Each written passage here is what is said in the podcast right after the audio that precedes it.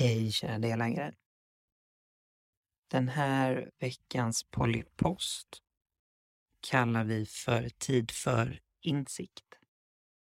Och vi kör rakt på, helt enkelt. Det är minst sagt turbulent i världen just nu. Våra tankar går till ukrainska medborgare som just nu slåss för sina liv och hoppas att de snart kan få återgå till att vara ett självständigt land i fred. Precis som sist kan du både lyssna på innehållet av det här utskicket eller ladda ner texten som pdf om du vill ha den i ett mer behändigt format. Länk till hemsidan där du hittar ljud och pdf finns i utskicket. Innehållsförteckning ser ut i grova drag så här. VD har ordet. Polypod. Påminnelse om bolagsstämma och delägarträff. Vi vill fortfarande lära känna er bättre. Frågor vi fått på sistone en närmare titt på två portföljbolag och utbildningstips i samband med kriget i Ukraina. Så kör vi på. VD har ordet. Makrokommentarer delvis relaterade till kriget i Ukraina. Vi är djupt bestörta över utvecklingen av kriget som Ryssland startat mot Ukraina och det oförståeliga militära angrepp Ukraina nu får erfara. Osäkerheten är oerhört stor och världsmarknaden kommer förmodligen att skaka ordentligt framgent också. Det var starkt på börsen redan innan kriget med oro över inflation och högre räntor. Om det inte vore krig så pekar makrodata på att vi kunde sett fram emot tillväxt när världen börjat öppna upp efter covid. Nu har vi ett krig och frågan är såklart inte om det är dåligt, utan hur dåligt det kan komma att bli på hemmaplan. Vad vi vet är att energipriserna fortsätter att rusa, vilket skapar ett stort dilemma för ECB, alltså Europeiska centralbanken, med högre inflation men lägre efterfrågan. Detta ger minst två möjliga marknadslägen. Lågkonjunktur eller fortsatt återhämtning. Lågkonjunkturer kan variera både i storlek och tid. Ekonomer brukar beskriva en lågkonjunktur med att den totala efterfrågan på tjänster och varor är låg och detta leder oftast till högre arbetslöshet. Man kan tillägga att både hushåll och företag spenderar mindre eftersom man blir försiktigare eller helt enkelt inte kan spendera. En längre lågkonjunktur kallas recession och en djupare lågkonjunktur kallas depression. Med det sagt, nu när hela världen går ur lockdown på grund av corona tror många experter att det finns goda chanser till fortsatt återhämtning trots kriget. Alla företag kommer att behöva investera och många konsumenter kommer att se en återgång till en mer vanlig vardag. Rysslands och Ukrainas bidrag till världsekonomin är så pass litet att det finns stora förutsättningar för en bra återhämtning för världsekonomin, även om vi räknar bort dem helt under 2022. Nedan ser du en tabell på hur börsen reagerat rörande stora världshändelser tidigare. Och den tabellen tänker inte jag läsa upp, utan den får ni kolla på i utskicket. Tid för självinsikt. Min bästa lärdom från min egen militärtjänst i början av 90-talet är att en kedja aldrig är starkare än sin svagaste länk. Detta gäller både för militära uppdrag och investeringar. Anta att stridsvärdet hos en brigad bygger på följande mycket förenklade ekvation. Soldater gånger utrustning gånger utbildning gånger ledning gånger väder gånger logistik gånger motivation är lika med total förmåga. Om en av dessa faktorer, till exempel utrustning eller motivation, söker sig mot noll hjälper det normalt inte att kvarvarande faktorer fortfarande är starka, vilket kan förklaras med några snabba exempel. Ett välutrustat elitförband ska erövra enkla punkt A, men just nu är det orkansnöstorm och minus 30 grader, varpå de istället tvingas söka skydd. De relativt välutrustade och välutbildade regeringsstyrkorna i Afghanistan blev besegrade på några dagar av militärt underlägsna talibaner, ofta utan strid, vilket till stor del berodde på att regeringsstyrkornas stridsmotivation var extremt låg. Jag tror att en stor förklaring till ryssarnas mindre imponerande framsteg i pågående svårmotiverade invasion beror på denna logik. I praktiken är det dock inte någon enskild faktor som söker sig mot noll, utan snarare flera stycken som är svaga samtidigt, vilket skapar kraftigt negativa synergieffekter. Baserat på rapporterna gissar jag att de svagaste punkterna är motivation, ledning och logistik. Inom investeringar har du en liknande logik. Förenklat.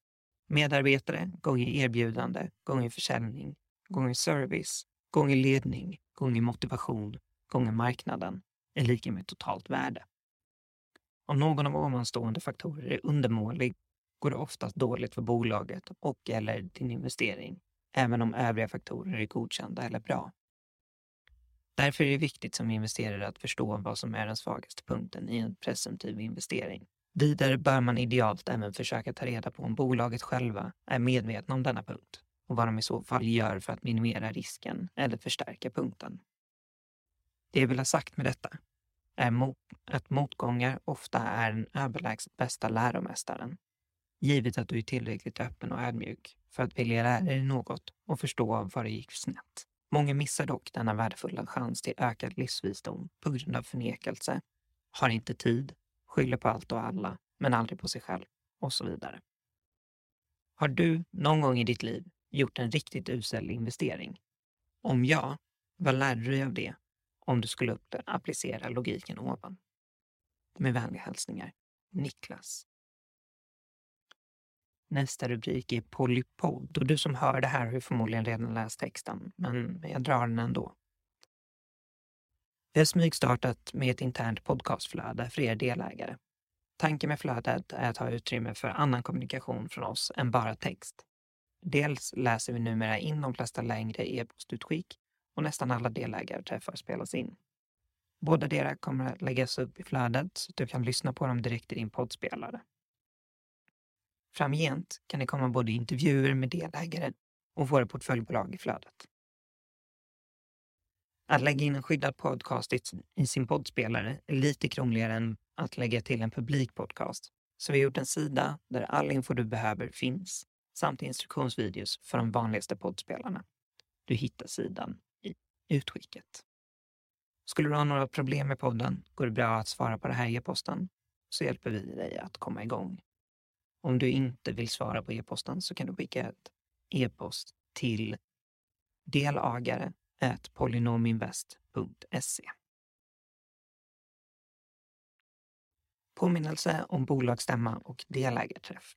Den 24 mars 2022 håller vi vår årliga bolagsstämma.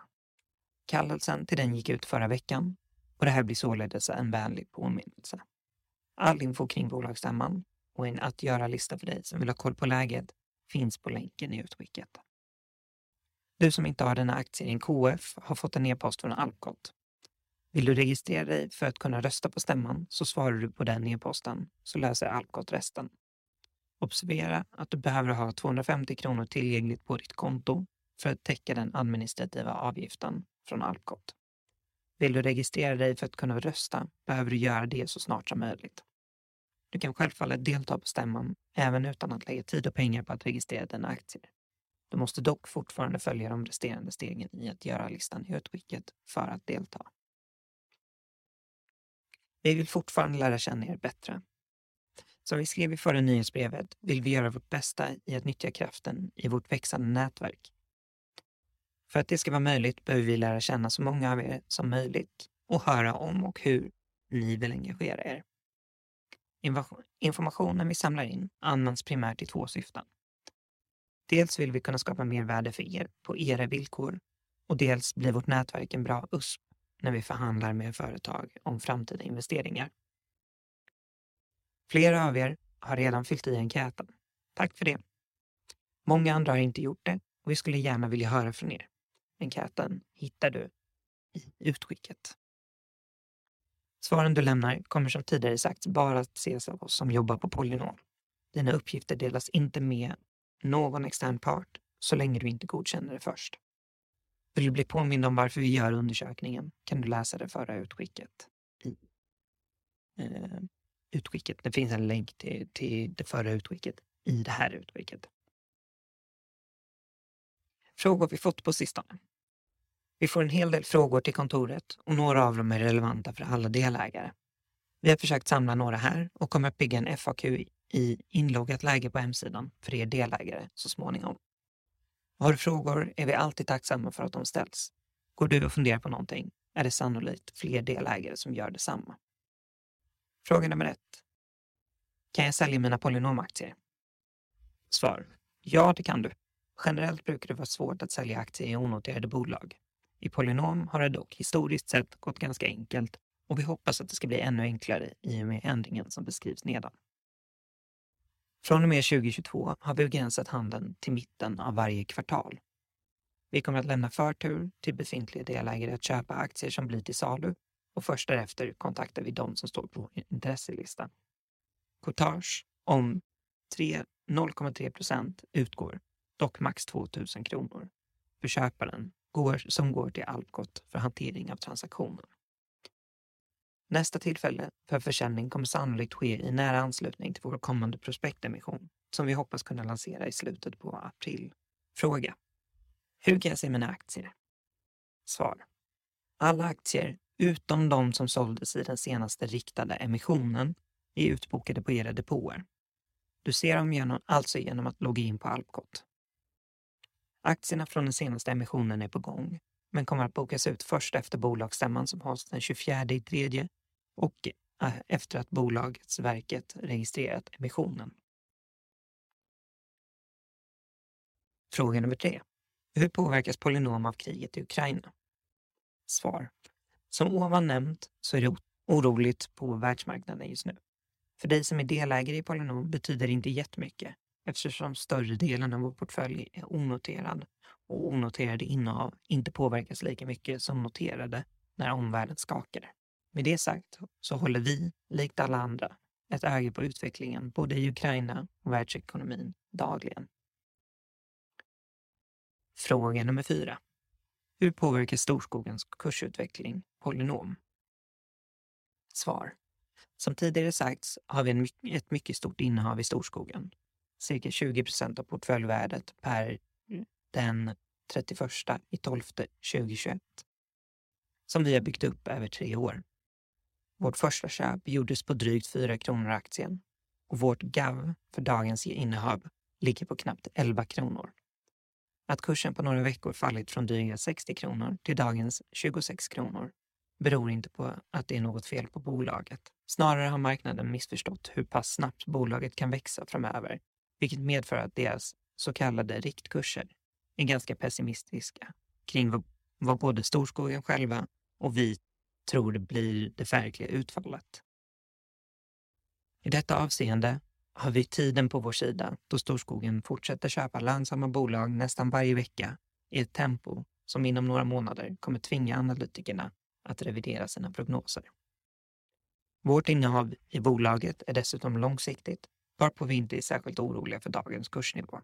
Snarare ett utmärkt köptillfälle för de som ännu inte har haft möjligheten att köpa några aktier.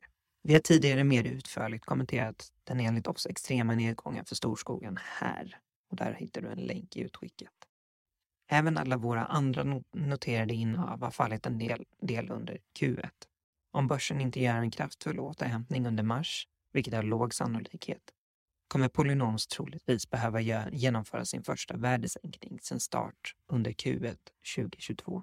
En närmare titt på två portföljbolag. Först ut är Way2Bill.